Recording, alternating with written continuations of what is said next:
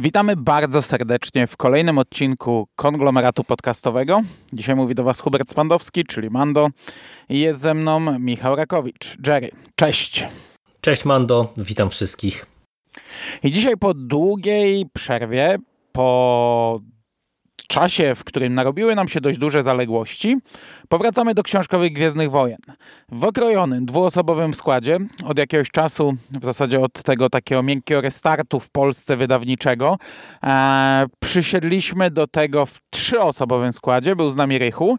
Rychu przeczytał tę książkę, zresztą nie tylko on, umówmy się, w całej ekipie konglomeratu w sumie cztery osoby tę książkę przeczytały, o której dziś będziemy mówić, bo jeszcze Sik czyta Wielką Republikę, e, ale tylko we dwóch nam się udało i to trwało, i trwało, i trwało. Było przekładane, także ledwo tę książkę pamiętamy pewnie.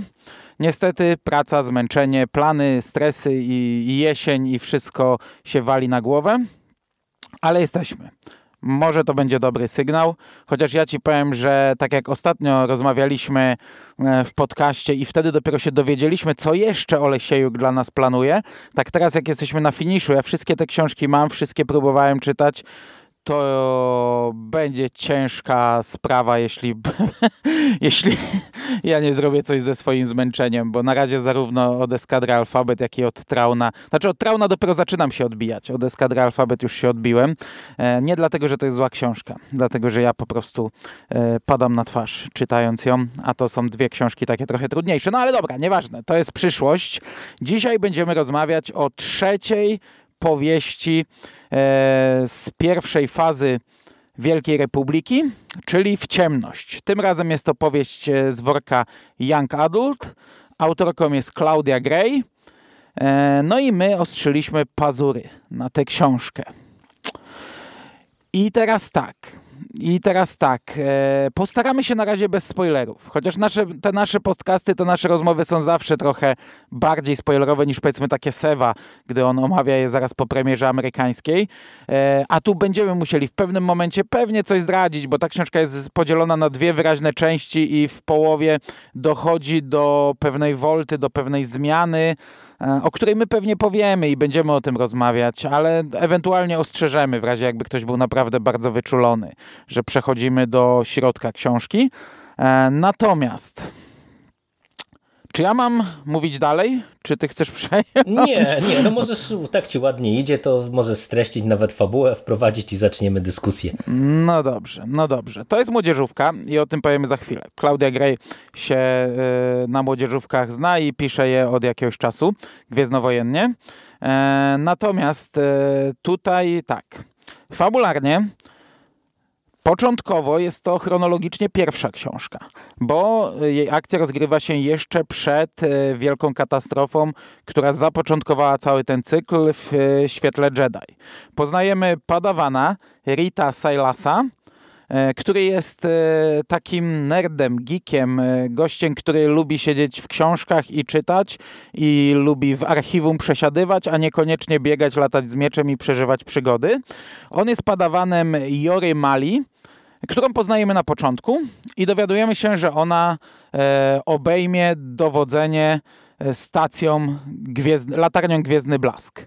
E, czyli tą, tą wielką stacją, która od trzech książek ma zostać otwarta i wszyscy tam zmierzają. E, no, jeśli czytaliśmy e, Światło Jedi, wiemy co nastąpi potem, bo Joramali pojawia się w bitwie jeszcze przed otwarciem e, latarni, no i, i wiemy, jaki los ją spotkał. Natomiast na tym etapie biedny Reed, główny bohater, dowiaduje się, że będą musieli przenieść się z Coruscant, a on nie bardzo jest e, tym zachwycony, bo on chce siedzieć w archiwum biblioteki e, w świątyni Jedi i, i siedzieć z nosem w książkach. No ale Jora wylatuje na, e, do latarni, Gwiezdny Blask. Wiemy, że w międzyczasie nastąpi wielka katastrofa. Jora w sumie do tej latarni ostatecznie nie dotrze. Natomiast nasz główny bohater, Reed Silas, e, wylatuje trochę później. Żegna się z padawanami na Korusant i wylatuje z zupełnie inną ekipą. Łączy się z poprzednim padawanem Jory, teraz już rycerzem e, Dezem Raidanem, który jest jego przeciwieństwem. Jest takim gościem, który rzuca się w wir przygodzie wręcz bezmyślnie. Jest z nimi taka para Jedi, którzy mają wspólną przeszłość. To jest mistrz, mistrz Komak Vitus i e, taka rycerka chyba, czy mistrzyni, nie wiem, rycer, nie, ona jest ry, rycerką Jedi Orla e, Jenari. Chyba też mistrzynią, też chyba mistrzynią jest. Znaczy ona o tej swojej mistrzyni mówi czasami, ale właśnie nie pamiętam, czy już, co, kim ona w tym momencie jest, e, bo, bo tam na początku wspomina tą mistrzynię, co tam ona, ale to nieważne, w sumie nieważne. Ona jest takim nietypowym Jedi, o czym powiemy. Mhm. Wybiera swoją drogę zupełnie inną, taką, której do tej pory nie znaliśmy w Gwiezdnych Wojnach.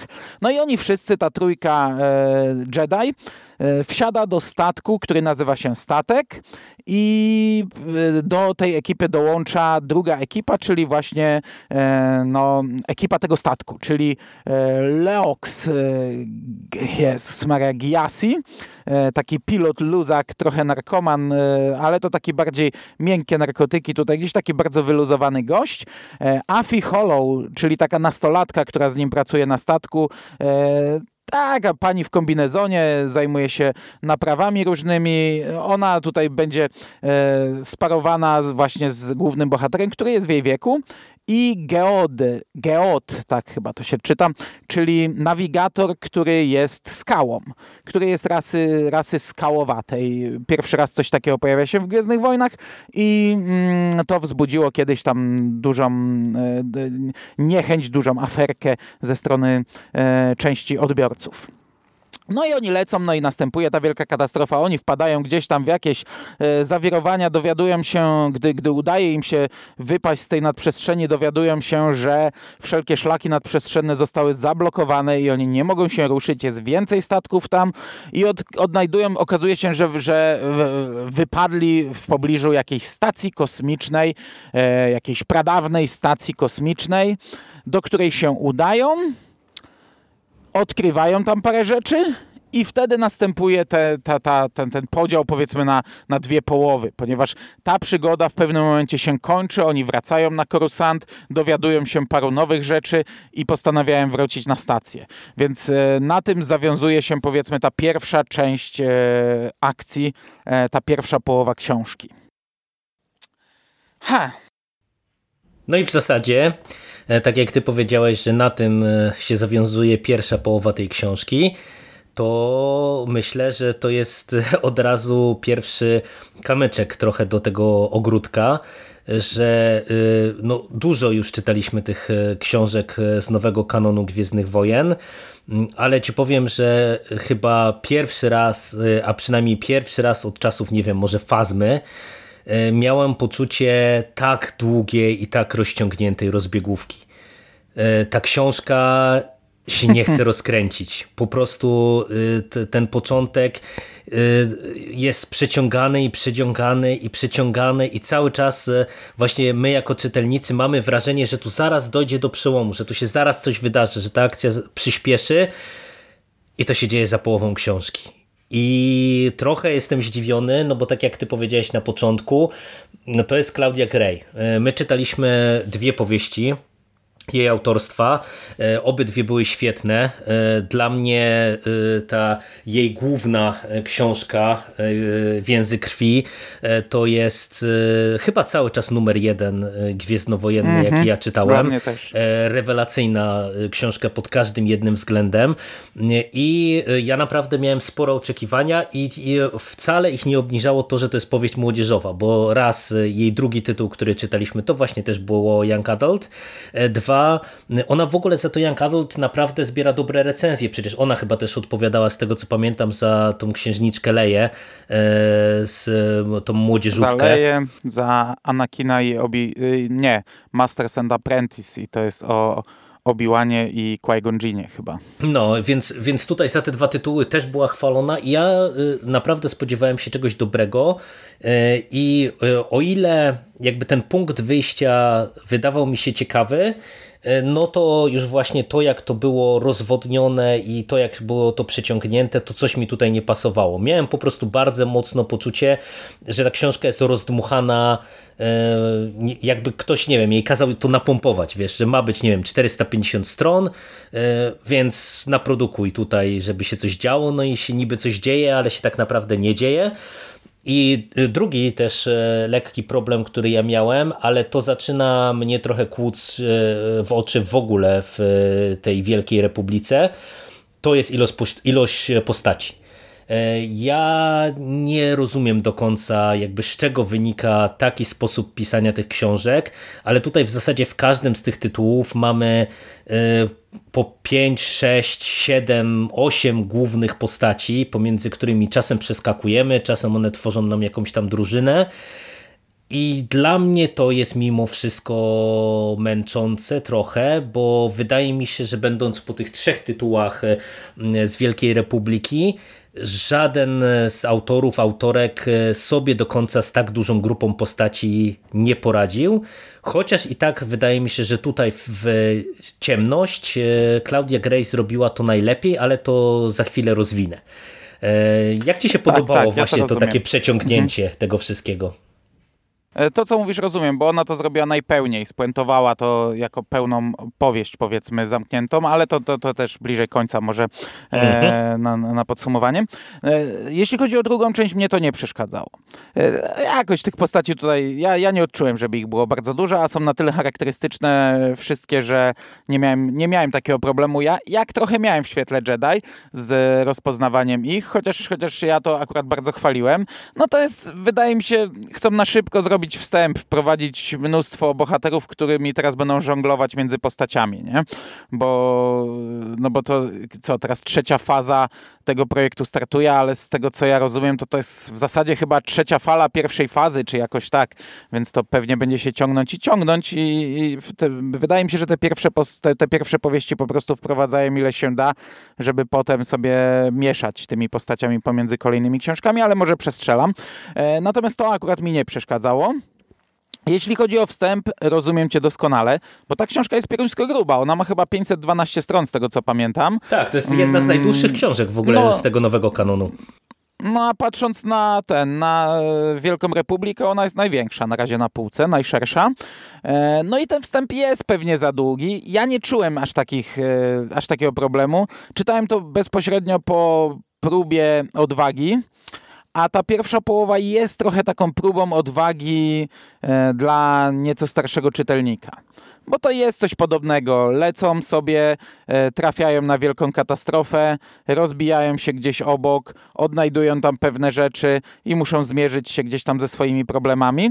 Oczywiście no tutaj jest tego więcej, jest, jest jakoś tam mocniej, jest, jest trochę lepiej dla odbiorców w moim wieku, dlatego ten początek mi się czytało całkiem przyjemnie. Co prawda nie wiedziałem do czego to prowadzi, bo e, no bo naprawdę no, wstęp był bardzo długi i, i nie miałem pojęcia jak to, jak to ma się potem zawiązać zawiązać, rozwinąć, bo, bo w tym wstępie to tak takie są rzucone rzeczy, ale, ale w zasadzie to, no to tam się w zasadzie nic nie dzieje, nie? Oni odkrywają kilka faktów, a, a w połowie książki, jak wracają na Korusant, to zaczynają łączyć niektóre fakty i każdy gdzieś tam ma swoje motywacje, żeby powrócić na, na tę stację. Mhm. E, na tym etapie już też poczułem gdzieś tam w połowie ten schemat, który ja z kolei widzę w tych wszystkich książkach, czyli po pierwsze śmierć mistrza, który jest w każdej książce na razie i wtedy co zrobić? Śmierć albo jakaś utrata mistrza, mhm. bo, bo, nie zawsze to była śmierć i wtedy zastąpienie go jakimś nowym mistrzem i jakieś nawiązanie nowych relacji między e, padawanym a mistrzem, albo to na szybko, albo za szybko, albo niedopasowane i zobaczymy jak to się dalej potoczy, zupełnie inne charaktery i tak dalej. No ale to jest na razie schemat we wszystkich trzech książkach i też jakieś sobie radzenie z tym. Bo tak jak w świetle Jedi może tego nie było, tak w próbie odwagi to był jeden z kluczowych elementów, e, że jeden z bohaterów Jedi nie radził sobie ze śmiercią mistrza. I teraz w, w tej książce w ciemność to też jest dość istotne. Nieradzenie sobie ze śmiercią, niegodzenie się z tym, że oni nie mogą emocjonalnie do tego podejść, że muszą e, podejść do tego tak po prostu, wydarzyło się trudno, połączył się z mocą, a my dalej spełniamy swoją, idziemy ze swoją misją. I to też widać w każdej, no, na razie przynajmniej w dwóch z trzech tych książek, bo w pierwszej wydaje mi się, że tego nie było. E, także to był taki schemat, który odczułem, ale mówię, no na, na, na, tym etapie ja nie miałem problemu, chociaż od połowy jak to ruszyło, to faktycznie rusza e, tak trochę lepiej. I powiem Ci, że to nie tylko my chyba mamy taki problem, bo przed chwilą rozmawiałem ze znajomym i on też mówił, że jest na półmetku i ma problem z sięgnięciem, że, że natrafił na ścianę, nie? jeżeli chodzi o tę książkę. No, no niestety, no tak e, coś tutaj e, pod tym kątem nie wyszło, bo jak ty wypunktowałeś trochę te schematy, no to całościowo to, to w ogóle jest e, jakby taki mój lekki dylemat z Wielką Republiką i jak chcemy przejść za chwilę trochę bardziej do spoilerów, to może powiem to w tym miejscu, że wiesz, niby ta schematyczność nie bije jakoś tak bardzo mocno po oczach, ale no jednak czuć e, pe pewne powroty pewnych motywów. I wiesz, no niby to nie jest jakaś wielka wada, bo e, przecież w kółko mieliśmy pewne schematy, e, powroty do postaci. No przecież nie, niektóre postaci nagminnie wracają, prawie że powtarzając non-stop plus minus te same sytuacje, tylko w różnych konfiguracjach. W komiksach też to śledziliśmy, ale tutaj no być może przez to, że wiesz, że to jest wszystko ta, ta pierwsza fala, no i jednak założenie jest takie, że trzeba mniej więcej nakreślić te, te ramy tego świata e, no to, e, to te pewne schematy trochę mnie już e, zaczynały męczyć, nie? No, że jednak wiesz, mamy to założenie, że niby robimy wielki event, ale w każdym pewne elementy stałe muszą być, no bo jednak jak ktoś sięgnie tylko po ten tytuł, no to musi się mnie jakoś tam orientować w tej sytuacji. Przy czym znów e, e, powiem to, co powiedziałem przed chwilą. E, moim zdaniem najlepiej w tym, w tym względzie poradziła sobie Claudia Gray, bo ty użyłeś takiego sformułowania, że ona najpełniej tę książkę domknęła. Ja bym powiedział, że ona po prostu mimo wszystko jest dla mnie taka najpełniejsza i najbardziej wydzielona z tego wszystkiego. Tak, mhm. autonomiczna, że ona po prostu dla mnie autentycznie opowiada historię, którą można przeczytać, sięgnąć sięgnąć po prostu po ten tytuł i, i dobrze się bawić, no, no, czy dobrze, no to jeszcze zaraz spuentujemy, bo tutaj trochę problemów ta książka ma, chociaż też ma sporo do zaoferowania, no ale można się przy niej dobrze bawić właśnie no, nie znając tak naprawdę tego szerszego kontekstu. No bo umówmy się, że ta, ten nasz poprzedni tytuł, no to jest jednak też specyficzna rzecz, no i, i to, to jest raczej faktycznie coś dla młodszego czytelnika, tak jak żeśmy mówili. Mhm, ale też było czuć, że to, znaczy to była króciutka przygoda, króciutka, ale też rozdmuchana. Ale tak, taka tak, pojedyncza tak, tak, mała przygoda, która też widać było, że no, że będzie miała kontynuację.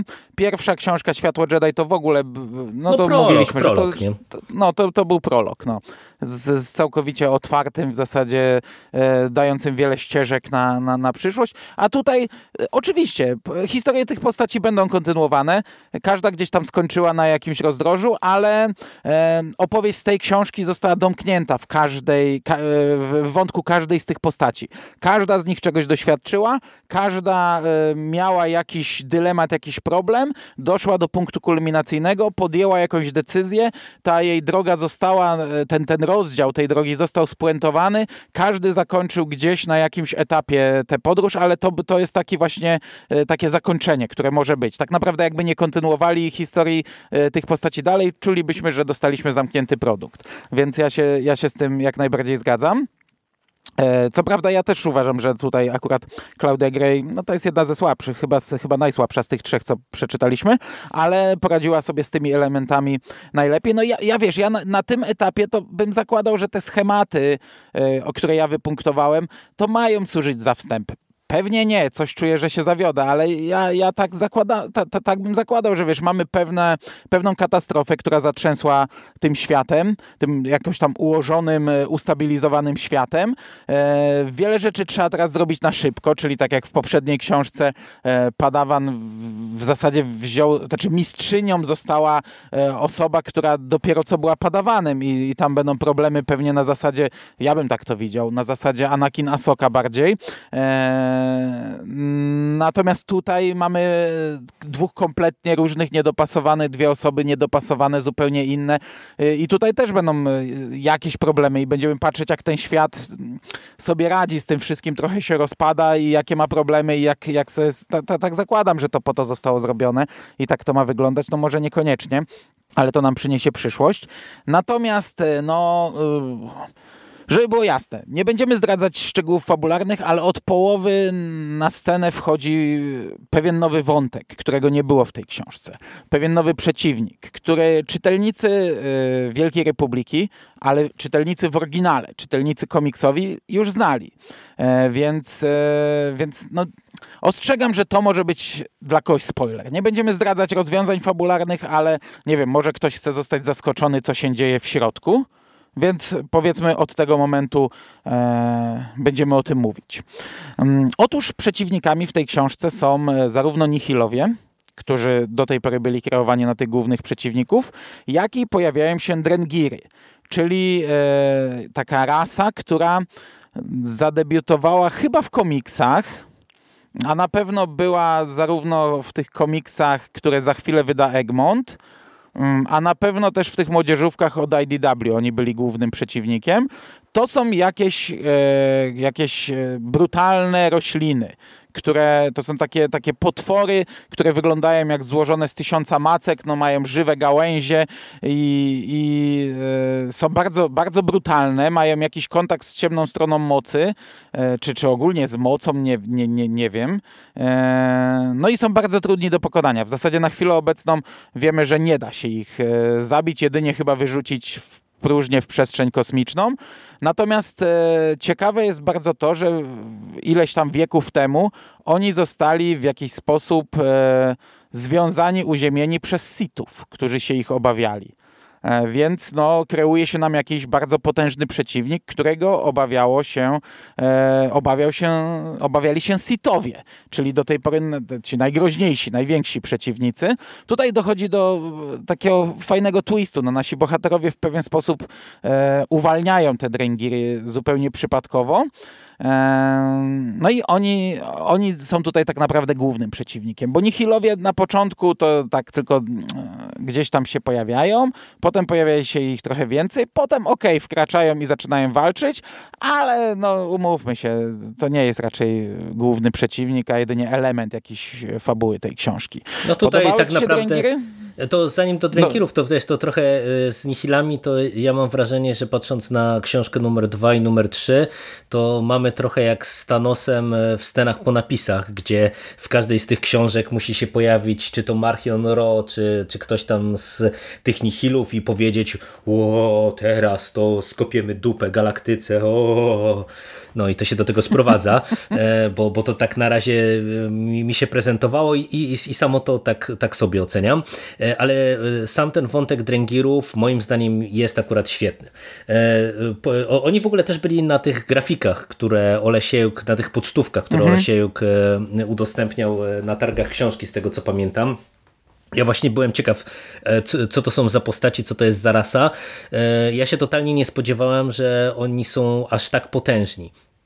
A tutaj moim zdaniem właśnie e, to, co ja powiedziałem, że mm, Claudia Gray e, w sumie sobie poradziła nieźle z całą tą powieścią, to właśnie między innymi miałem na myśli cały ten wątek i to, jak ta historia e, ładnie się kręci wokół tego i jak to, to wszystko zaczyna wskakiwać na swoje miejsca od któregoś momentu, bo wiesz, ja początkowo miałem e, te, te, dwa problemy, które powiedziałem, rozwleczenie i zbyt dużą ilość postaci, mm, ale kiedy my wracamy na tę stację, kiedy już właśnie nasi bohaterowie orientują się, że tak naprawdę e, uwolnili najprawdopodobniej jakieś mroczne siły, oni jeszcze początkowo sami nie wiedzą jakie tak naprawdę, to to, że mamy taką atomizację tej grupy, y, mamy różne te postaci o różnych charakterach, y, to zaczyna grać, bo faktycznie każda z tych postaci ma jakąś tam motywację, y, chce czegoś dokonać na tej stacji i ja to kupowałem. I tak jak początkowo ja miałem problem, żeby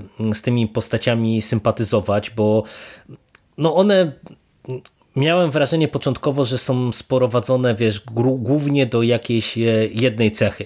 Nie? że ten kapitan to jest właśnie mhm. taki tam luzak, nie? ten to jest kujon, ten to jest narwaniec i, i tak wiesz, no trochę jak w slasherze, że po prostu mamy, mamy te postaci na szachownicy i, i to jest wszystko, mm, ale wydaje mi się, że właśnie ta druga połowa pokazała, że Claudia Gray miała tutaj jakiś pomysł i na fabułę, i na wykorzystanie tych postaci, i na to, żeby one właśnie takie jednowymiarowe nie były, bo im więcej o nich się dowiadujemy, im więcej się dzieje, im więcej decyzji ci wszyscy bohaterowie muszą podjąć, mm, to to się robi ciekawsze. I naprawdę ja od połowy e, już byłem mocno zaangażowany w to wszystko i, i czytało mi się to bajecznie szybko, naprawdę, bo tutaj ta akcja zaczyna gnać na złamanie karku i, i to już chłonąłem do samego końca.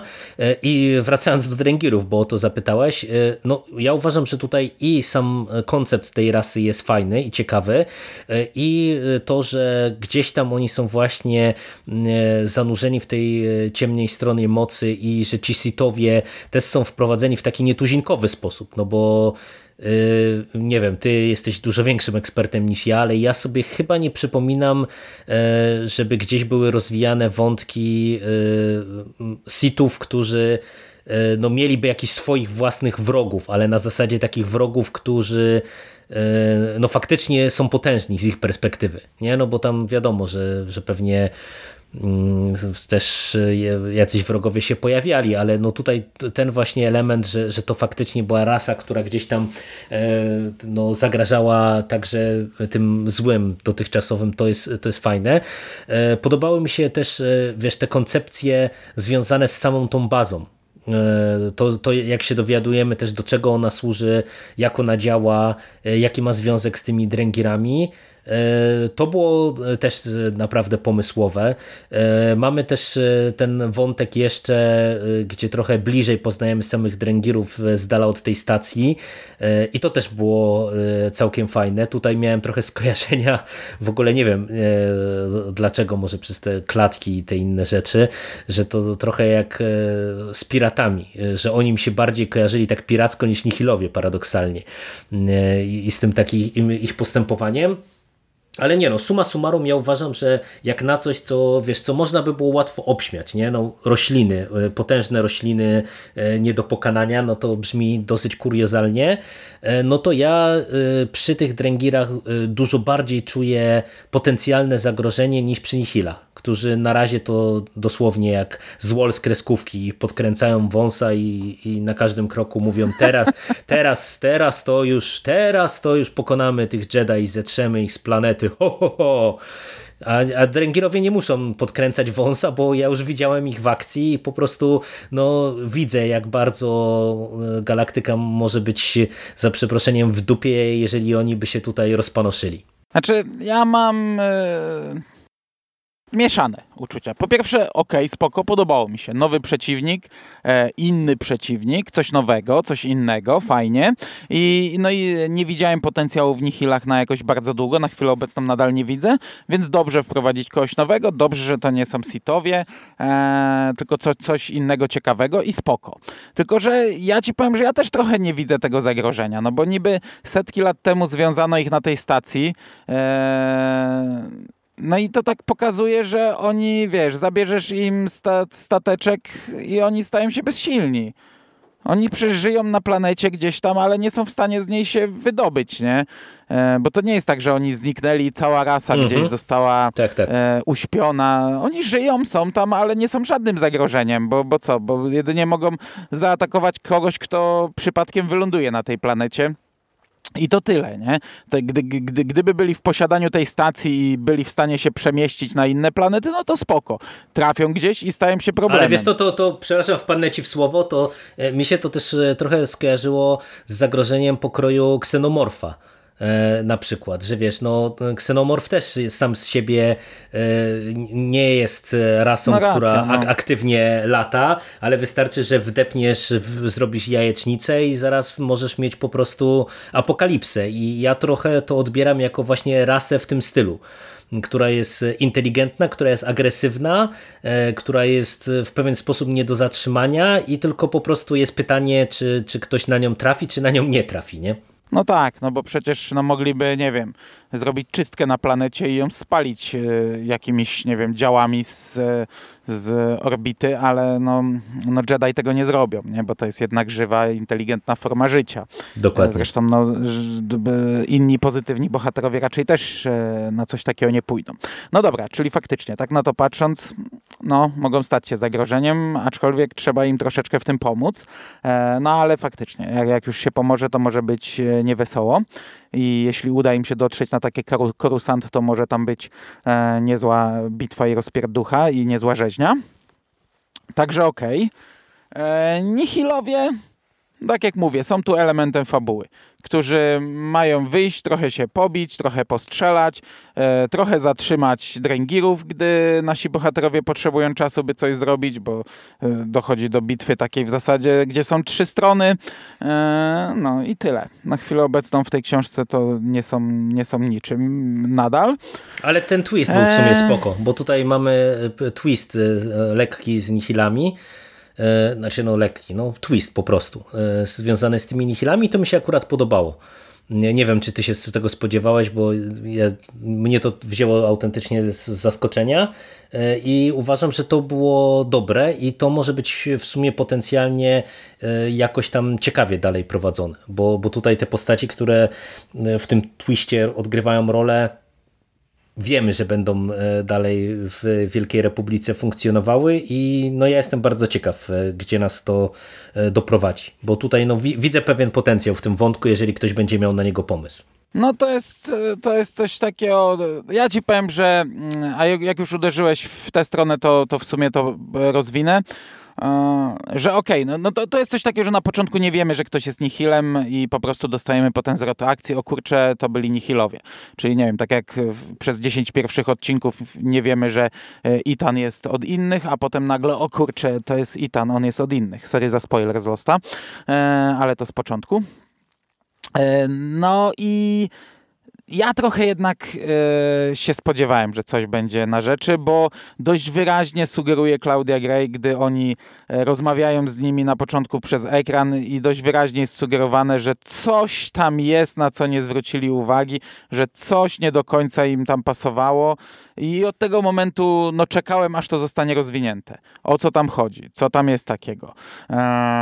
Mo, nie, nie twierdzę, że, że, że załapałem, kim oni są, ci bohaterowie, ale czekałem, aż ten wątek zostanie rozwinięty. Oni się niby rozstali, roz, rozlecieli w swoje strony, a i tak ja czekałem, kiedy to się pojawi. No i się pojawiło za chwilę. Eee, I, I mówię, że rozwinę to, bo ja ci powiem, że ja w tej książce pierwszy raz czułem e, młodzieżowość dość mocną. E, w tym sensie, że ja bym musiał chyba sobie kiedyś powtórzyć Utracone Gwiazdy, bo to jest książka, która trochę podzieliła czytelników. E, ona wzbudziła bardzo duże zachwyty, ale jest dużo osób, które jednak mówiło nie i krytykowało. Ciekaw jestem, jakbym to teraz odebrał, ale no, ja wcześniej nie czułem u Claudii Gray e, takiej młodzieżówki, a tutaj zarówno to, co ty powiedziałeś w zachowaniu tych bohaterów, w ograniczeniu ich do jednej cechy, w takiej trochę prostocie i, i w niektórych dialogach mhm. to czułem, ale właśnie w tych takich e, zapowiedziach niektórych zwrotów akcji. Ten jeszcze nie, ten był taki delikatny i, i to mówię, to tylko coś czekałem do, do, do czego to dojdzie. Mm, ale na przykład w środku mamy taki zwrot akcji na planecie tych nihilów, gdzie po prostu od pierwszej sekundy, gdy nasz główny bohater e, wpada w kapsułę, no to my już wiemy, że wcześniej zostaliśmy oszukani z pewnym tak, wątkiem. Tak, tak, to prawda. Mhm. I po prostu ty już to wiesz, a ona to pisze tak, jakbyś to czytał ośmiolatkowi, nie? Który w pewnym momencie ma się zamienić w superdetektywa, w Sherlocka Holmesa i odgadnąć tę zagadkę, nie? No, a, a, a ona jeszcze tego nie mówi i jeszcze. I ja naprawdę w tym momencie miałem wrażenie, wow, nie? Ale będzie twist, nie? Ale nas zaskoczą. no i, i zaskoczyli. No, to ja to bym chciał po, podkreślić, że czułem to w tej książce. Nie, nie było to jakoś uwierające, nie było to jakoś straszne, ale kilka razy poczułem, że czytam książkę, którą mógłbym w zasadzie córce poczytać y, i, i y, mówię o takich elementach, nie o tym, jak to zostało skonstruowane w niektórych miejscach. Znaczy mi się wydaje, że to jest chyba akurat e, tak ja bym obstawiał, że to jest raczej kwestia tej konkretnej książki, bo wiesz, pamiętaj też, że Utracone Gwiazdy, one się opierały na czymś zupełnie innym i tak naprawdę tam e, jakichś takich wielkich twistów nie dostawaliśmy, e, bo no tam ten główny wątek po prostu był oparty po prostu, no po prostu, po prostu, o, pięknie, pięknie dzisiaj mówię, przepraszam, zmęczenie wychodzi, mm, ale ten główny wątek się kręcił wokół tego, tych, tego podziału na strony i tej historii rozłożonej na wiele lat, więc wiesz, tam e, pewnie było więcej mhm. E, tych wątków takich e, jakoś tam romantycznych czy melodramatycznych i to mogło ludzi męczyć, niektórych, mm, a tutaj faktycznie ta książka jest gorsza, mam wrażenie właśnie tak językowo i no i właśnie pod kątem takich tych pewnych uproszczeń. No tylko e, teraz... Ale e, też powtórzeń, wiesz co, no główny mm -hmm, bohater, tak, on jest też. nudny, to on prawda. jest męczący i my od pierwszej sceny wiemy, że on lubi siedzieć w archiwum. I on lubi czytać, a nie lubi przygody. A to jest chyba, nie wiem, pięć razy albo więcej powtórzone przez pierwszą połowę książki, a później nadal. Gdy on coś myśli, to myśli, ojejku, jak ja nie lubię przygód, ja bym chciał o tym poczytać. Nikt tego nie rozumie. Inni Jedi chcą przygody, a ja chcę czytać. I to jest mhm, po prostu tak, tak, tak. Do, do bólu, nie? No, to, to niestety jest, e, jest problem z e, tym tytułem zdecydowanie, nie? że tutaj e, to sporo takich, takich powtórzeń mamy. No pytanie, wiesz, bo ja się zawsze zastanawiam w takich sytuacjach e, e, też, e, ile tutaj jeszcze nam tłumacz czy tłumaczka dokładają jakby do tej warstwy językowej. Trudno to jest zawsze zweryfikować. Ja tam obstawiam niestety autora czy autorkę, tak jak w tym przypadku, że to jest jej wina i jej odpowiedzialność głównie. No i trochę wydaje mi się, że, że właśnie tu wychodzi też właśnie to rozdmuchanie, powtórzenia, kręcenie się w kółko z pewnymi tematami. No i taka ta uproszczenie właśnie pod e, młodzieżówkę. E, I wiesz, jak to się wszystko połączy, no to, to dostajemy takie problemy, jak dostajemy, nie? Bo wydaje mi się, że gdyby ta książka była krótsza, to, to wiesz, no to wiele tych powtórzeń by wyleciało, no bo po prostu na czymś trzeba ciąć. A, a na czym najłatwiej ciąć? No na powtórzeniach ciąć, no bo wiesz, no nie wywalisz twistów, nie wywalisz tych głównych e, elementów fabularnych, tylko wywalisz właśnie watę, nie? Której tutaj jest po prostu dużo mhm. momentami. Dobra. Eee jeszcze, żeby nie odbiec do końca od fabuły, powiem ci tak. Kurde, w sumie nie wiem co, bo, bo za bardzo bez spoilerów, a już powiedzieliśmy, że te wątki fabularne postacie, one mi się podobały. To jak e, e, każdy z nich doszedł do jakiegoś elementu, to jest spoko, ale powiem ci, że na ostatniej bitwie ja się w pewnym momencie złapałem za głowę, jak nasza e, Jedajka Orla podejmuje pewną decyzję, co zrobić. E, to było to głupie, ale to, to w sumie bez szczegółów nie ma co tutaj e, wchodzić, chyba. Mm, nie wiem, czy wiesz, o czym mówię. Chyba tak. A, mhm. Mm, to, to dla mnie było naprawdę absurdalne zachowanie Jedi. Dostajemy też wątek z przeszłości. Y, ta, ta, ta, powieść jest cięta takimi krótkimi retrospekcjami. Jest to historia sprzed chyba 25 lat. Historia właśnie tego mistrza Vitusa i y, Orli Janeri, gdy oni jeszcze byli e, świeżo upieczonymi rycerzami, czy jeszcze nawet padawanami, padawanami chyba. Ona jest ok, tylko że tak naprawdę na ile ona była potrzebna. Ona jakoś tam podkreśla jeszcze ich zachowanie teraz, ale w sensie dosłownie te, te pojedyncze rzeczy. Vitus nie radzi sobie z tym, co proponują Jedi w warstwie emocjonalnej, Orla natomiast e, niekoniecznie zgadza się z jakimś kodeksem Jedi i z regułami ich postępowania, ponieważ ona jest jakimś nietypowym Jedi, który słyszy głos mocy. I to tak dosłownie, moc jej podpowiada, co robić. Ona instynktownie słyszy głos. I, I to jest w zasadzie ta cała historia z przeszłości, jest, żeby podkreślić ten wątek i jakieś tam e, to, co dzieje się z nimi w teraźniejszości. To jest ok, ale nie wiem, przeszkadzało ci to? Czułeś, że to jest taki mocny wypychacz? Bo mówię, no to, to ma na celu tylko to, to jedną rzecz tak naprawdę. Znaczy wiesz to ja trochę mam wrażenie, że ta, to, tu jest jeszcze ukryty haczyk, ale ja ogólnie z tym mam problem, bo tak jak ja powiedziałem, że tutaj ta książka się długo rozkręca, e, to ten wątek 25 lat wstecz, on jest do samego końca. No, on ma swój finał dosłownie na ostatnich kartach e, powieści i ja cały czas byłem ciekaw, do czego to zmierza, bo wiesz, widzieliśmy już te, tego rodzaju narracje, to, to chociażby w Tronie e, powieściowym też to było zastosowane i zawsze jak autorka stosuje, czy autor stosuje tego rodzaju zabieg, no to on musi być czymś uzasadniony. I ja e, mam problem e, z tym wątkiem, dlatego że moim zdaniem on z perspektywy tej książki nic nie wnosi. W tym sensie, że e, tak naprawdę to, to, co ty mówisz, że on niby podkreśla te zachowanie tu i teraz Komaka i Orli Jareni, no okej, okay, tylko że to jest e, trochę takie, taka powtórka jak to, że jestem nerdem ze strony e, Reta Silasa, nie? To, więc to, to, to niewiele wnosi.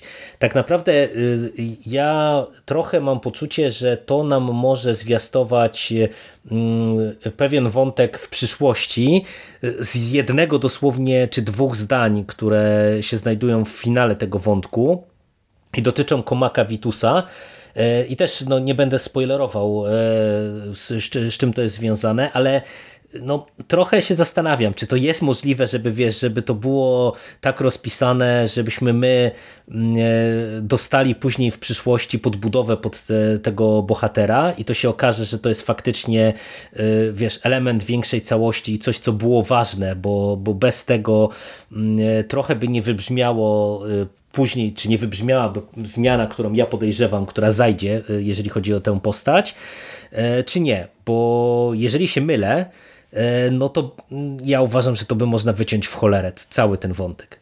E, natomiast jeżeli to faktycznie będzie, no to z jednej strony spoko, bo to rozumiem, że, że to e, może być potrzebne. Z drugiej strony, no wiesz, nie wiem, czy z kolei tak e, silne sugerowanie pewnych rozwiązań w przyszłości jest ok, nie? No ale to mówię, trochę na dwoje babka wróżyła. Też nie wiem, tak jak ty się mnie pytałeś, to teraz ja nie wiem, czy ty wiesz, o czym ja mówię, co, co, co tam jest zasugerowane tak naprawdę w tym wątku. To teraz ja chyba nie wiem.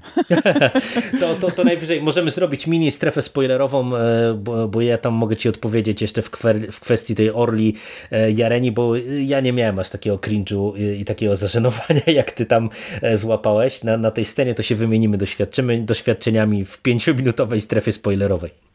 No dobra, to za chwilę. To jeszcze kilka rzeczy. Po pierwsze, wspomniałem tutaj, że dialogi nie zawsze są e, jakoś szalenie dobre, ale podobał mi się humor w tej książce. E, I to zarówno czasami są fajne rozmowy, na przykład między Ritem a tą dziewczynką, którą on poznaje, gdy ona próbuje się dowiedzieć czegoś o Jedi, gdy na przykład a, prosi nas, go, tak? żeby no, nie pamiętam imienia, sorry. Mhm, Gdy tak, tak. prosi, mówi mu, ty może, może zaczniesz lewitować, przecież Jedi to potrafią. Nie, nie, nie, to tylko niektórzy i to muszą się bardzo skupić i uspokoić. W bitwie to niemożliwe, to trzeba lata treningu i, i osiągnąć pewien spokój. A ona tam jakoś komentuje, no niezbyt przydatna umiejętność, nie? E, super, super moc. I, i, i takich rozmów jest więcej fajnych, ale powiem ci, że y, ja, dla mnie mega fajnym motywem był Geot. I ja wiem, że oni grali na jednej nucie, w sensie ta skała. Postać, mhm. E, w, postać rasy skały. Czegoś takiego nie było wcześniej. To jest po prostu skała, która e, jest w pomieszczeniu, a oni nadają mu ciągle e, cech ludzkich, że wzruszył ramionami, że gdzieś tam wywrócił oczami, albo że kogoś przytulił, pocieszył, poklepał po plecach.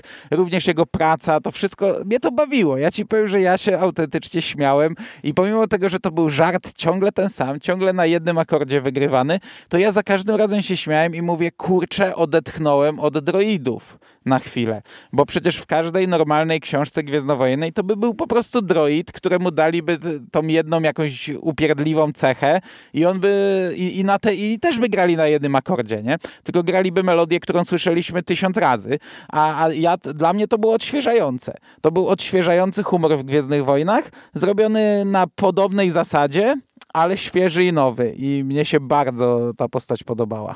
Ja początkowo byłem mocno skonsternowany, no bo y, wiesz, z jednej strony już różne rzeczy widzieliśmy. Y, ja pamiętam też cały czas, jak dziś, jak y, ty wspominałeś o jednym tytule, gdzie mamy jakąś rasę matematyków, która się wita jakimiś równaniami czy coś tam innego, więc no umówmy się, były tak. już dziwne rzeczy w Gwiezdnych Wojnach, no ale mimo wszystko właśnie ja początkowo byłem mocno zbity z tropu właśnie przez tą personifikację, że oni z nim niby rozmawiali rozmawiali, że on tam niby coś robił, a to jest kurde skała, nie? Więc no ja trochę tego nie, nie ogarniałem. E, ale e, im dalej w las, e, tym właśnie, nie wiem, może przez to, że ja trochę już chwyciłem w ten humor, może właśnie mnie ta druga połowa książki już wciągnęła, bo naprawdę kilka żartów jest fajnych. Jak, jak mamy, nie wiem, jak ten god wyskoczył upić się na miasto na przykład w którymś momencie i go tam beszta ten, ten jego pilot, że e, akurat teraz musiałeś e, się, się zawinąć właśnie, a miał siedzieć i, i pilnować, nie i tak dalej. No, no to, to faktycznie są takie um, zabawne rzeczy i w sumie to jest celna uwaga. Ja o tym tak zupełnie nie myślałem, ale zgadzam się w stu procentach, że przecież to można by było zamienić na droida, tę postać. I faktycznie to pod tym kątem E, ja nie wiem, czy to by, wiesz, wzbudzało jakiekolwiek kontrowersje, na przykład jakbyśmy dostali jak, jakąś kolejną suszarkę, jak w dziewiątce na przykład, która by się turlała i, i, robiła głupie rzeczy, a też wszyscy by z nim rozmawiali jak e, z członkiem załogi. E, więc ja całościowo jestem ok. Nie, nie, nie jestem jakoś bardzo zachwycony, ale jest w porządku i też ja się zastanawiałem, jaką on odegra rolę i on też ma tak jak właśnie trochę jak ta strzelba Czechowa, nie? Pojawia się, cały czas się zastanawiasz, y, jaka będzie jego rola, no i on odgrywa w końcu rolę też, też w fabule, ale to jest spoko, to, to, to jest y, też tak po młodzieżowemu zrobione, ale jest okej. Okay. I e, co do tego humoru, to e, ja się zgadzam, że ten humor jest fajny, ale ja bym to nawet jeszcze trochę rozwinął, bo nie wiem, czy to jest kwestia e, tego, że to była powieść młodzieżowa, ale bardzo mi się podobało, że tutaj y, trochę znowu mamy y, wątków, powiedziałbym, romantyczno-erotycznych, co było w sumie dla mnie pewnym zaskoczeniem, bo to jest jedna z niewielu książek, z której dowiadujemy się znowu co nieco o życiu erotycznym Jedi, bo, bo tam ten wątek jakichś uczuć romantycznych i erotycznych jest wyciągany tutaj na, na pierwszy plan w rozmowach tych no, dzieciaków, jakby tego nie brać, tym bardziej, że właśnie ten e, nasz główny bohater Red Silas nagle w zasadzie ma wokół siebie e, dwie dziewczyny, które przynajmniej jedna wygląda na to, jakby czuła do niego miętę, e, więc, więc to rodzi ciekawe reperkusje, no bo wiesz, to jest do, do tej pory, jak mieliśmy wątki romantyczne z Jedi, to wszyscy pamiętamy e, Anakina na zielonych trawkach na Nabu, nie? Opowiadającego, jak nie lubi piasku i no umówmy się, to nie było zbyt dobre, nie? A w no sumie... Tak, no do tej pory, jeśli ktoś zachodził w ciążę, to nie mieliśmy nawet wzmianki o tym, jak do tego doszło. Nie? A tutaj jednak bezpośrednio jest mowa o seksie. Tak, e, oni, tak. oni rozmawiają o seksie. E, pilot mówi o tym, że jest e, osobą pozbawioną popędu seksualnego. Tak, a to też chciałem wyciągnąć. Dlatego, tak, tak. Mhm. No, dlatego przyjął tą córkę szefowej tej grupy przestępczej, bo, bo wiadomo, że nic jej nie zrobi, nie, nie, nie, nie będzie miał jakichś seksualnych zatarć z nią. No i to, i to tutaj wypływa kilka razy. To jest bardzo rzadkie. Claudia Gray akurat to robi podobno. No, w Utraconych Gwiazdach e, doszło do zbliżenia między mhm. głównymi mm -hmm. bohaterami. Um, podobno w tym Masters and Apprentice jest e, Jedi, który uprawia seks i jest powiedziane, że Jedi mogą uprawiać seks, jeśli robią to bez emocji. E, więc Claudia Gray no przynajmniej... Czyli używają Tindera, tak? Że, że w, w, związku, w związku nie, ale Jedi Tinder jest okej. Okay.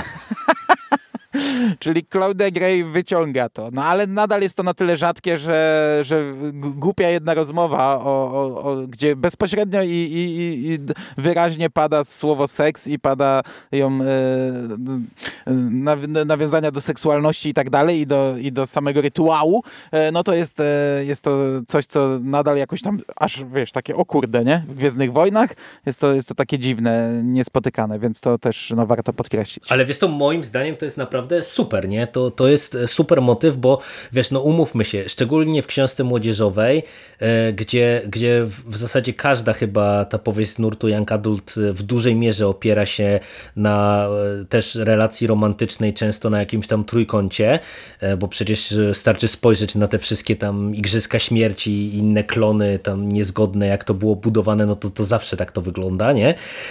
Że no, tak. no jak w młodych ludziach buzują hormony, no to to są naturalne pytania, więc no umówmy się, ja nie wierzę, że nikt się nie zastanawiał, jak to jest z tą miłością Jedi, a tak jak mówię, no do tej pory mieliśmy to jako towar deficytowy, no bo z jednej strony mieliśmy właśnie ten konflikt pokazany, który no był pokazany jak był pokazany, to tam już nie będziemy do tego wracać, e, ale, ale no, on był ciekawy. Nie? Dla mnie to było e, właśnie interesujące e, w sumie, dlaczego aż tak bardzo Jedi muszą się odciąć, dlaczego oni są w zasadzie takimi mnichami, czy muszą być takimi mnichami. I dla mnie w ogóle to jest jedna całościowo z najfajniejszych rzeczy póki co w tym The High Republic, że oni tutaj w ogóle tak dosyć śmiało pewne rzeczy podnoszą. Właśnie w kontekście tego postrzegania Jedi, jako tych takich, wiesz, mnichów, e, e, którzy tylko i wyłącznie e, sięgają po broni, jak są zaatakowani, są rycerzami strzegącymi pokoju, w pełni dobrymi też w takim rozumieniu moralnym i tak dalej, i tak dalej. No tutaj są takie rzeczy wyciągane, które mówię, no moim zdaniem są ciekawe. No to jest jakieś tam dalekie tło często, tak jak tutaj ten, te wątki erotyczne, ale, ale jednak są i to jest e, godne podkreślenia e, i tak jak ty też powiedziałeś o tym kapitanie, to też jest w ogóle dla mnie ciekawe, że wiesz, że konsekwentnie mamy przemycane właśnie te, te wątki e, gdzieś tam e, płciowości tych bohaterów, co dla mnie właśnie w takiej powieści e, młodzieżowej to jest idealne, a e, ja w ogóle bym chciał podkreślić, że w zasadzie dla mnie chyba najlepszą częścią, e, jeżeli chodzi o postaci, to jest właśnie załoga tego statku e, ten Leox, no. Afi i Geot. Bo, bo ta trójka moim zdaniem jest najciekawsza. Oni niby też są e, plus minus e, tacy uproszczeni, jakoś tam jednowymiarowi, ale oni fajnie funkcjonują jako taka trochę dysfunkcyjna rodzina. I to było dla mnie też ciekawe, nie? że oni byli takim interesującym odbiciem, e, e, szczególnie na tle Jedi, nie? gdzie oni też nie wiedzieli w sumie, jak ci Jedi funkcjonują do końca, zadawali pewne pytania i, no i to było fajne. To, to był naprawdę ciekawy element w tej książce. No, oni, oni super byli, ale to wiesz, to zazwyczaj jak masz załogę statku, to to, to, to dobrze wypada, nie? To, to chyba trudno popsuć. E, ale to był fajny element tej książki. Plus ta cała obudowa, bo oni wszyscy mają też swoje wątki, więc dostajemy -hmm, tak, gdzieś tak. tam wgląd w ten światek przestępczy, e, gdzieś e, też jakieś elementy budowy świata, bo tutaj mamy te pałeczki przyprawowe, które na tym etapie są legalne. E, mamy poruszony wątek niewolnictwa. E, nie nie, nie takiego, że skuci w kajdanach, ale tego takiego e, łapania ludzi na długi i zmuszania ich do odpracowywania przez całe życie gdzieś tam. E, także to też są fajne elementy. Natomiast ja jeszcze, jeszcze tylko wracając do Geoda, bo ja nie pomyślałem o suszarce, która nic nie mówi. Ja w sumie myślałem, że w każdym, wiesz, gwiezdnowojennym tworze to by był taki Tripio, czy tak, taki tak, K2SO. Ja ja no, że to na tej Ale zasadzie mi chodziło by było, bardziej, nie? wiesz, o wprowadzenie nowej postaci, nowego droida po prostu, mm -hmm. nie? Czyli też uczłowieczony, ale z jakąś upierdliwą cechą yy, i, męczący, że, że to na, te, na tym humorze zawsze, zawsze, prawie zawsze się grało, nie? I dlatego mi się podobało, że tutaj na, na ten akord przesunęli gdzieś. Mm. Okej, okay. jeśli chodzi o ciekawostki, e, takie drobiazgi, bo wydaje mi się, że już się rozliczyliśmy z większością, e, bardzo podoba mi się motyw, ale to nie jest nowość, to podobno w Trakinie się już pojawiło. Tutaj jest tylko raz wspomniane, że świątynia Jedi była zbudowana na świątyni Sithów to jest fajna rzecz i chciałbym, tak. żeby to gdzieś było rozwinięte, że pod świątynią Jedi na Coruscant znajduje się jakieś skupisko ciemnej strony mocy. E, to jest fajny element. I podoba mi się ogólnie znów gdzieś tam dorzucanie jakichś cegiełek do tego, jak, jak funkcjonują Jedi, jak, jak wygląda moc, bo tu są nowe elementy. No, ta mhm, Orla Znowu. Janeri, mhm jest e, nowym elementem, czymś, czego nie było w Gwiezdnych Wojnach. Tak jak powiedziałem, ona słyszy głos mocy, ona e, moc do niej przemawia i ona instynktownie wykonuje polecenia mocy e, i właśnie przez to, że kiedyś nie wykonała, no to gdzieś tam skłóciła się w sobie z tym kodeksem Jedi i teraz idzie na nową drogę, czego chyba też nie było, czyli ten taki Jedi wędrowca, że wędrowiec, że ona jakby jest nadal chyba, jest nadal Jedi, Najprawdopodobniej jest nadal finansowana przez Jedi, bo sobie kupuje statek i, i ogólnie ma zaplecze finansowe, a, a, skąd miałaby je mieć, więc najprawdopodobniej e, gdzieś tam e, ze świątyni pobiera jakieś, e, jakieś, nie wiem, kredyty, ale jest poza e, zwierzchnictwem Rady Świątyni Jedi. Ona w, w, chce od samego początku książki wyruszyć na taką tułaczkę, by słuchać mocy, by czytać mocy i w taki sposób żyć i się szkolić. No czegoś takiego nie przypominam sobie, żeby coś takiego było w Gwiezdnych Wojnach. To jest zawsze jakiś tam ciekawy element, dodatkowa rzecz. E, budowanie takimi drobiazgami tego świata. Mhm. Tak, no to, to mówię, to się dla mnie właśnie wpisuje w to, co ja mówię, że to jest ten szerszy kontekst, że tutaj w ogóle sporo jest takich fajnych smaczków, jeżeli chodzi o zakon i, i jego funkcjonowanie. No i szczerze mówiąc, ja akurat na to i liczyłem i będę liczył nadal. No bo wiesz, jak się wchodzimy w okres z butami złotego wieku zakonu, no to kiedy jak nie teraz właśnie eksplorować tego rodzaju wątki. Mhm. No dobra, to zanim przejdziemy do tych pięciu minut spoilerowych, tak podsumowując, mm, i to na, na, na kilku etapach. Po pierwsze, ja zacząłem od tego, że zarówno Sik, jak i Rychu od nas z ekipy czytali. No Sik e, strasznie e, krytykował Sik jest na nie i to mocno na nie. A czytał wcześniej Światło Jedi i był bardzo, bardzo na tak. E, nie, nie, nie był z nami w dyskusji tutaj. E, Rychu również z nami nie zasiadł, ale z tego co pamiętam, Rychu raczej dobrze się wypowiadał.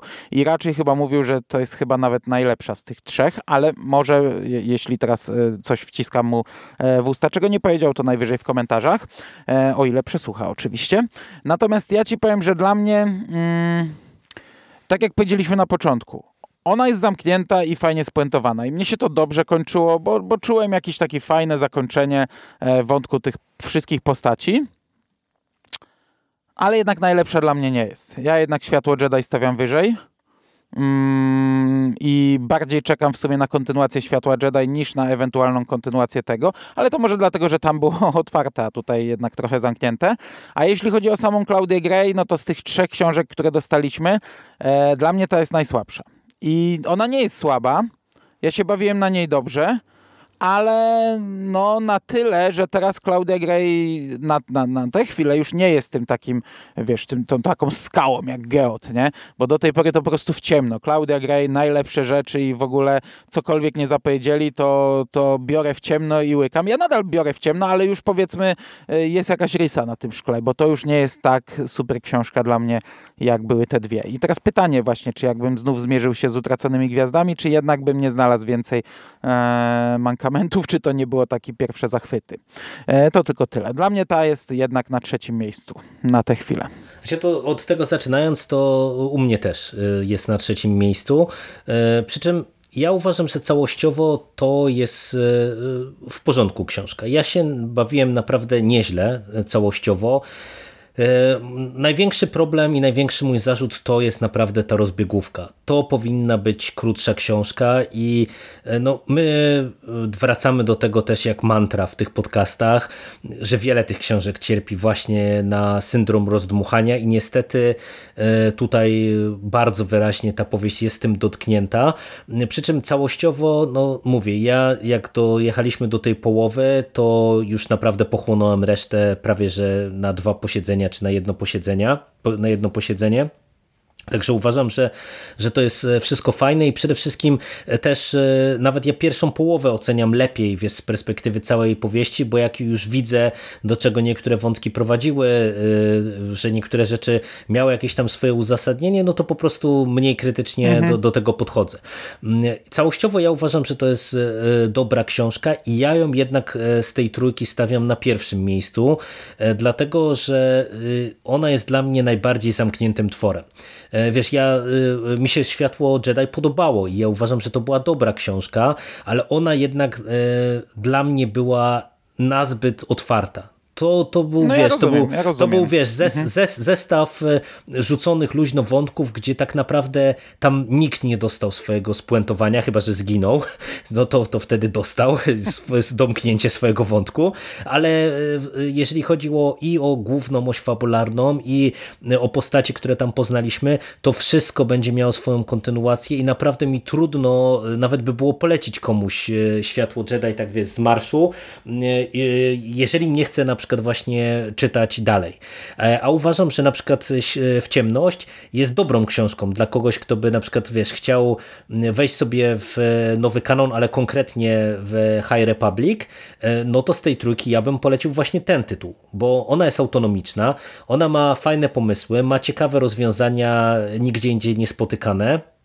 Więc faktycznie jest jakoś tam nowatorska e, i pod tym kątem ja uważam, że, że to wszystko powoduje, że to jest właśnie z e, tej pierwszej fali no to najlepszy tytuł moim zdaniem. No i moim zdaniem też można od tego zaczynać, bo akcja zaczyna się jeszcze przed tym wydarzeniem, wypadkiem. No dostajemy ten wypadek, może to są jakieś spoilery ze światła Jedi, ale umówmy się, no proszę cię. Eee, a, a, pomimo tego, że no, gdzieś tam mówimy, że ta pierwsza połowa jest wolna, ale i tak ją się czyta dla takiego, powiedzmy, dla takiej osoby, która będzie wchodzić w Gwiezdne Wojny, to na pewno będzie musiał ją czytać łatwiej niż w świetle Jedi, bo tam te pierwsze 150 o, stron, tak, tak, tak, to, tak, to, to, to nawet ci powiem, że tacy, tacy wiesz, tacy twardzi zawodnicy, fani, moi znajomi, którzy e, no, siedzą w Gwiezdnych Wojnach i również w rozszerzonym uniwersum od bardzo dawna, to, to wiesz, przez ostatnie miesiące, jak gdzieś tam rozmawiałem, to mają problem z tą pierwszą częścią. I, nie, I ostatnio słyszałem dużo głosów, że, że nie bardzo im się ten wstęp podoba. E, no, niektórym, nie? Oczywiście, pojedyncze osoby. E, Okej, okay, ja cię rozumiem doskonale, ale no ja jednak e, Światło Jedi, bo to była książka, na którą czekałem od, od lat.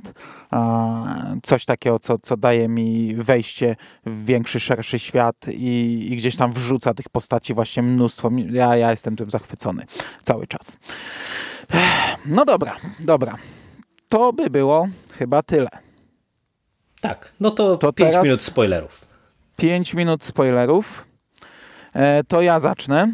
Mm, mamy tutaj sytuację, w której nasi bohaterowie e, podejrzewają, że siedliskiem ciemnej strony mocy są posągi, które stoją na tej stacji i oni odprawiają rytuał e, nie, jeszcze wtedy nawet nie. Tak, rytuał jak takiego, mhm, tak, jakiegoś tak. odwiązania tych pociągów i zabierają je na Korusant. No i na Korusant odkrywają, że te posągi nie są siedliskiem ciemnej strony, a one miały właśnie wiązać i chronić. I w momencie, gdy oni popełnili ten błąd, zabrali te posągi, to uwolnili zło, które było zamknięte w tej stacji. No i wracają tam i poznają skalę tego zła. I wiedzą, jak jest źle, no, no i udaje im się przeżyć pierwsze starcie i jeszcze raz związać te posągi, odprawić rytuał i zamknąć, uwięzić uśpić przeciwnika. No i potem dochodzi do tego ataku na stację Nihilów i e, Orla stwierdza, że nie, nie możemy zostawić stacji Nihilom, e, musimy uwolnić Drengiry i wtedy oni się pozabijają między sobą. I uważam, że to jest tak absurdalnie kretyński motyw, bo ona jeszcze, nawet to nie jest tak, ona uwalnia Nihiry po to, żeby dać czas załodze na ucieczkę. No nie, sorry, w tym momencie załoga powinna się nawet poświęcić swoje życie, ale absolutnie nie uwalniać zagrożenia, które może stać się, wiesz, zagładą galaktyki, nie? Także dla mnie to było przedziwaczne, kretyńskie, a, a i tak wszystko się skończyło tym, że Reed po prostu wyrzuca ich wszystkich w przestrzeń kosmiczną. Więc ostatecznie uwolnienie tych dręgirów było w zasadzie niepotrzebne. No, można było, nie wiem, wysadzić stację, wysadzić statek, zniszczyć, nie wiem, cokolwiek. Jak, jak, jak usłyszałem to, tą jej decyzję i motywację, to się złapałem za głowę. E, Jedi, która słyszy głos mocy, właśnie uwalnia zło, które udało im się zamknąć. Bo tak. Wiesz co, to mówię, no, ja tak, to, tak źle, taki drobiazg. Tak źle tak, e, tego nie oceniam, e, dlatego że ja jednak kupuję to w kontekście wątku nihilów. No bo tak jak mówisz, no mamy ten, ten, tę bitwę mm, rozłożoną na trzy frakcje, e, no i umówmy się, bez dręgirów wmieszanych w to wszystko, nasza ekipa by się stamtąd w ogóle nie wywinęła. I moim zdaniem jakby to była o tyle uzasadniona decyzja, że mieliśmy e, dwie alternatywy. Albo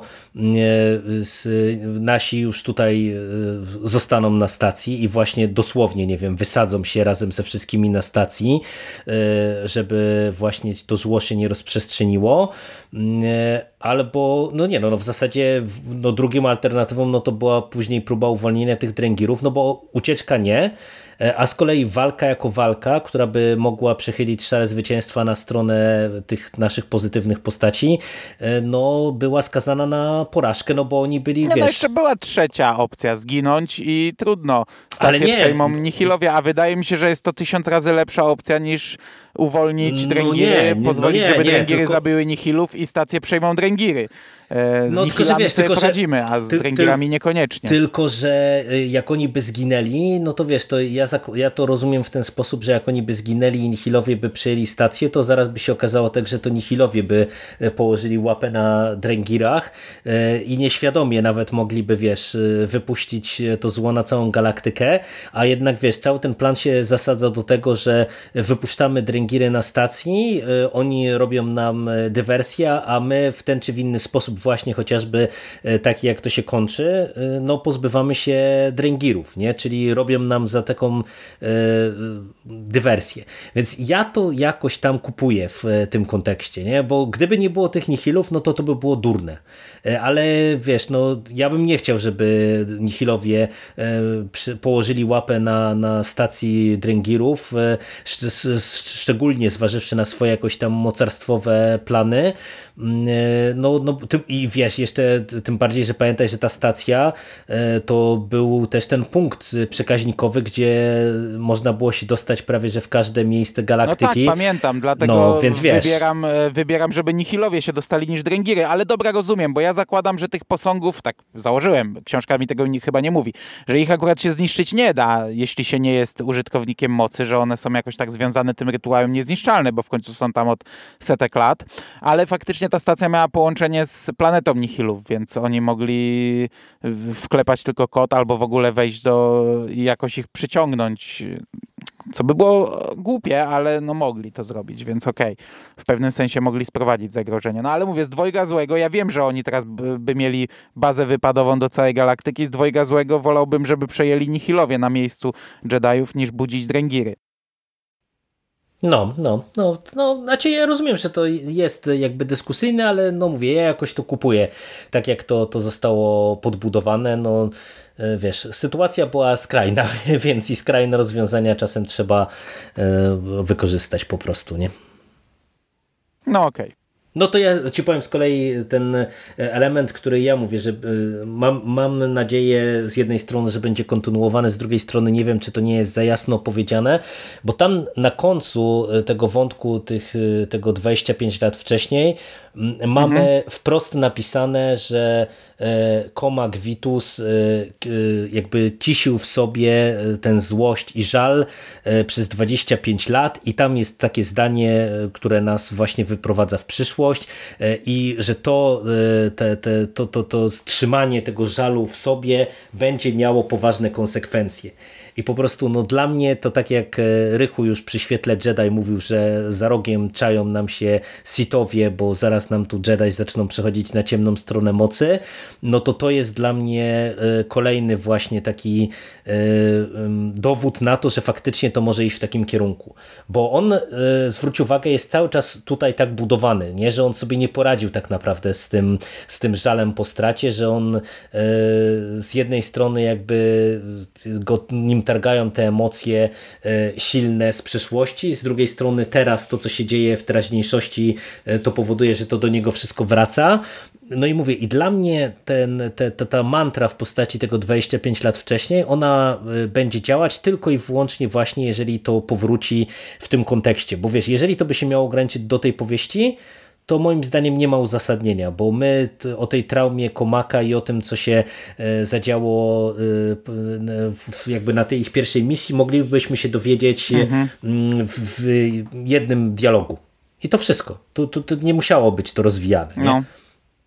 A, a tak, jeżeli to e, jakby będzie prowadziło do właśnie jakichś takich reperkusji, jakie tutaj nam są sugerowane, E, no to wtedy to ma uzasadnienie, nie? No bo wtedy to jakby mamy całą tę przeszłość i wiemy właśnie do czego doszło w tej przeszłości Komaka, wiemy jak wyglądały te decyzje, co się tam dokładnie stało, e, wiemy jak wyglądała ta teraźniejszość, no i w tym momencie no można na tym budować dalej. Także no to, to tyle ode mnie. No na pewno będzie to miało jakąś przyszłość, tylko pytanie, czy taką negatywną, czy pozytywną, bo, no bo Orla też tam się ograniczało do jednego zdania, że w kluczowym momencie, w finale tej akcji ona nie posłuchała głosu mocy, tylko yy, yy, no, działała w, według kodeksu I, i to przyniosło śmierć jednej z postaci. Co prawda przyniosło też masę dobrego i bardzo możliwe, że jakby tak nie podziałała, to wcale nie, nie skończyłoby się dobrze, no ale ona to tak zinterpretowała i, i całe jej życie E, potem gdzieś tam się z tym biła i teraz podjęła decyzję, no i już jest tym, tym podróżnikiem. E, Kromak, no to, to, to, no co, no przeszłość to dlatego, że przez niego zginął mistrz, przez jego e, decyzję zbyt pochopną, a teraz z kolei boryka się z tym, że teoretycznie zginął jego przyjaciel, rycerz Jedi i znów Rada gdzieś tam w ogóle go od razu zastąpiła, od razu od, jakby zapomniała, nie, nie myśleć, nie, nie, nie płakać, absolutnie nie celebrować śmierci, tylko żyć dalej. I on się z tym gdzieś tu ściera, no i te dwa wątki są w zasadzie tylko po to, ale faktycznie no to nie ma żadnego spuentowania na tym etapie. Ja zapomniałem o tym zdaniu, o którym mówisz, bo to faktycznie, to teraz to można tak interpretować. Ja raczej zakładałem, że on się bije, bije, bije przez całą książkę, a potem gdy, Despro, gdy e, Reed e, e, prosi go o to, żeby został jego mistrzem, to to, to jakoś tak, taką kotwicą może dla niego będzie, że teraz się skupi raczej na tym i, i może każdy z nich się jakoś, jakoś sobie pomoże. E, nie, nie, nie, nie wiem, na razie nie myślę, że on raczej zostanie jakimś złym człowiekiem i że to złe konsekwencje będzie miało, chociaż no to zdanie, o którym mówisz, no to tak by sugerowało. Mm, ale to poczekamy. No na pewno będą jakieś konsekwencje cały czas, nie? no bo to, to tak nie może być. No tu on akurat y, w tym, jeśli chodzi o ten motyw, nie dostał spuentowania. On został mistrzem, on gdzieś tam doszedł. no w mhm, sumie tak, ta postać tak. nie dostała spuent. Tak jak mówiliśmy, że każda gdzieś tam miała swój finał i puentę, a czy wiesz, no, dla mnie to, to, że on został tym mistrzem, no to, to jest jakaś puenta, nie? No bo wiesz, on jednak e, też e, borykał się z tymi swoimi emocjami i ja raczej odebrałem to, że to, ta decyzja, żeby przyjąć Silasa na ucznia, no to jest jednak taka dla niego ważna decyzja, przełomowa. No i wiesz, jakby nie wiemy, co się stanie dalej, ale no jednak doszło do jakiegoś przełomu, więc w tym sensie to jest dla niego jakaś puenta tej, tej części historii. Okej, okay. no dobra. Poczekamy, zobaczymy. Już za tydzień z naszego punktu widzenia kolejna książka. Z pierwsza dorosła z drugiej fali czy fazy, nie wiem jak to się tam nazywa, e, czyli kontynuacja Światła Jedi. Nie wiem na ile te postacie już będą wtedy mieszane, na ile tam dojdzie do, do żonglerki.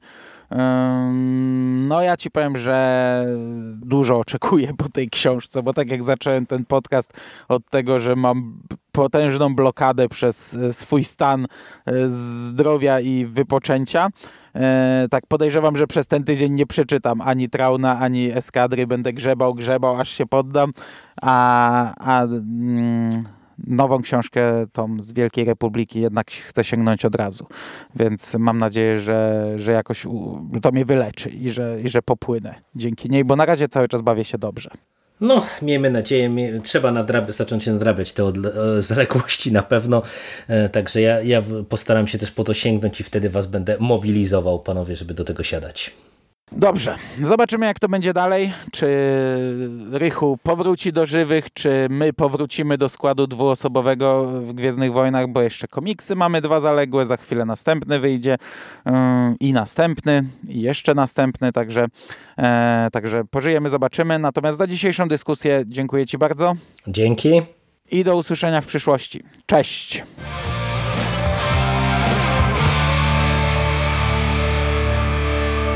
Finished? That's it, man. Game over, man. It's game over. What the fuck are we gonna do now? What are we gonna do? It's over. Nothing is over! Nothing! You just don't turn it off!